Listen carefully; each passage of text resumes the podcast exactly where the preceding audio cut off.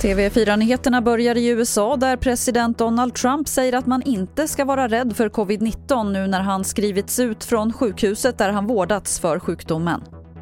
I learned so much about coronavirus and one thing that's for certain, don't let it dominate you. Don't be afraid of it. You're going to beat it. We have the best medical equipment, we have the best medicines.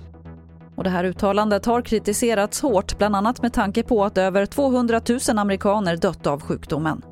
Så till Bromsten i norra Stockholm där en handgranat detonerade i närheten av en villa sent igår kväll.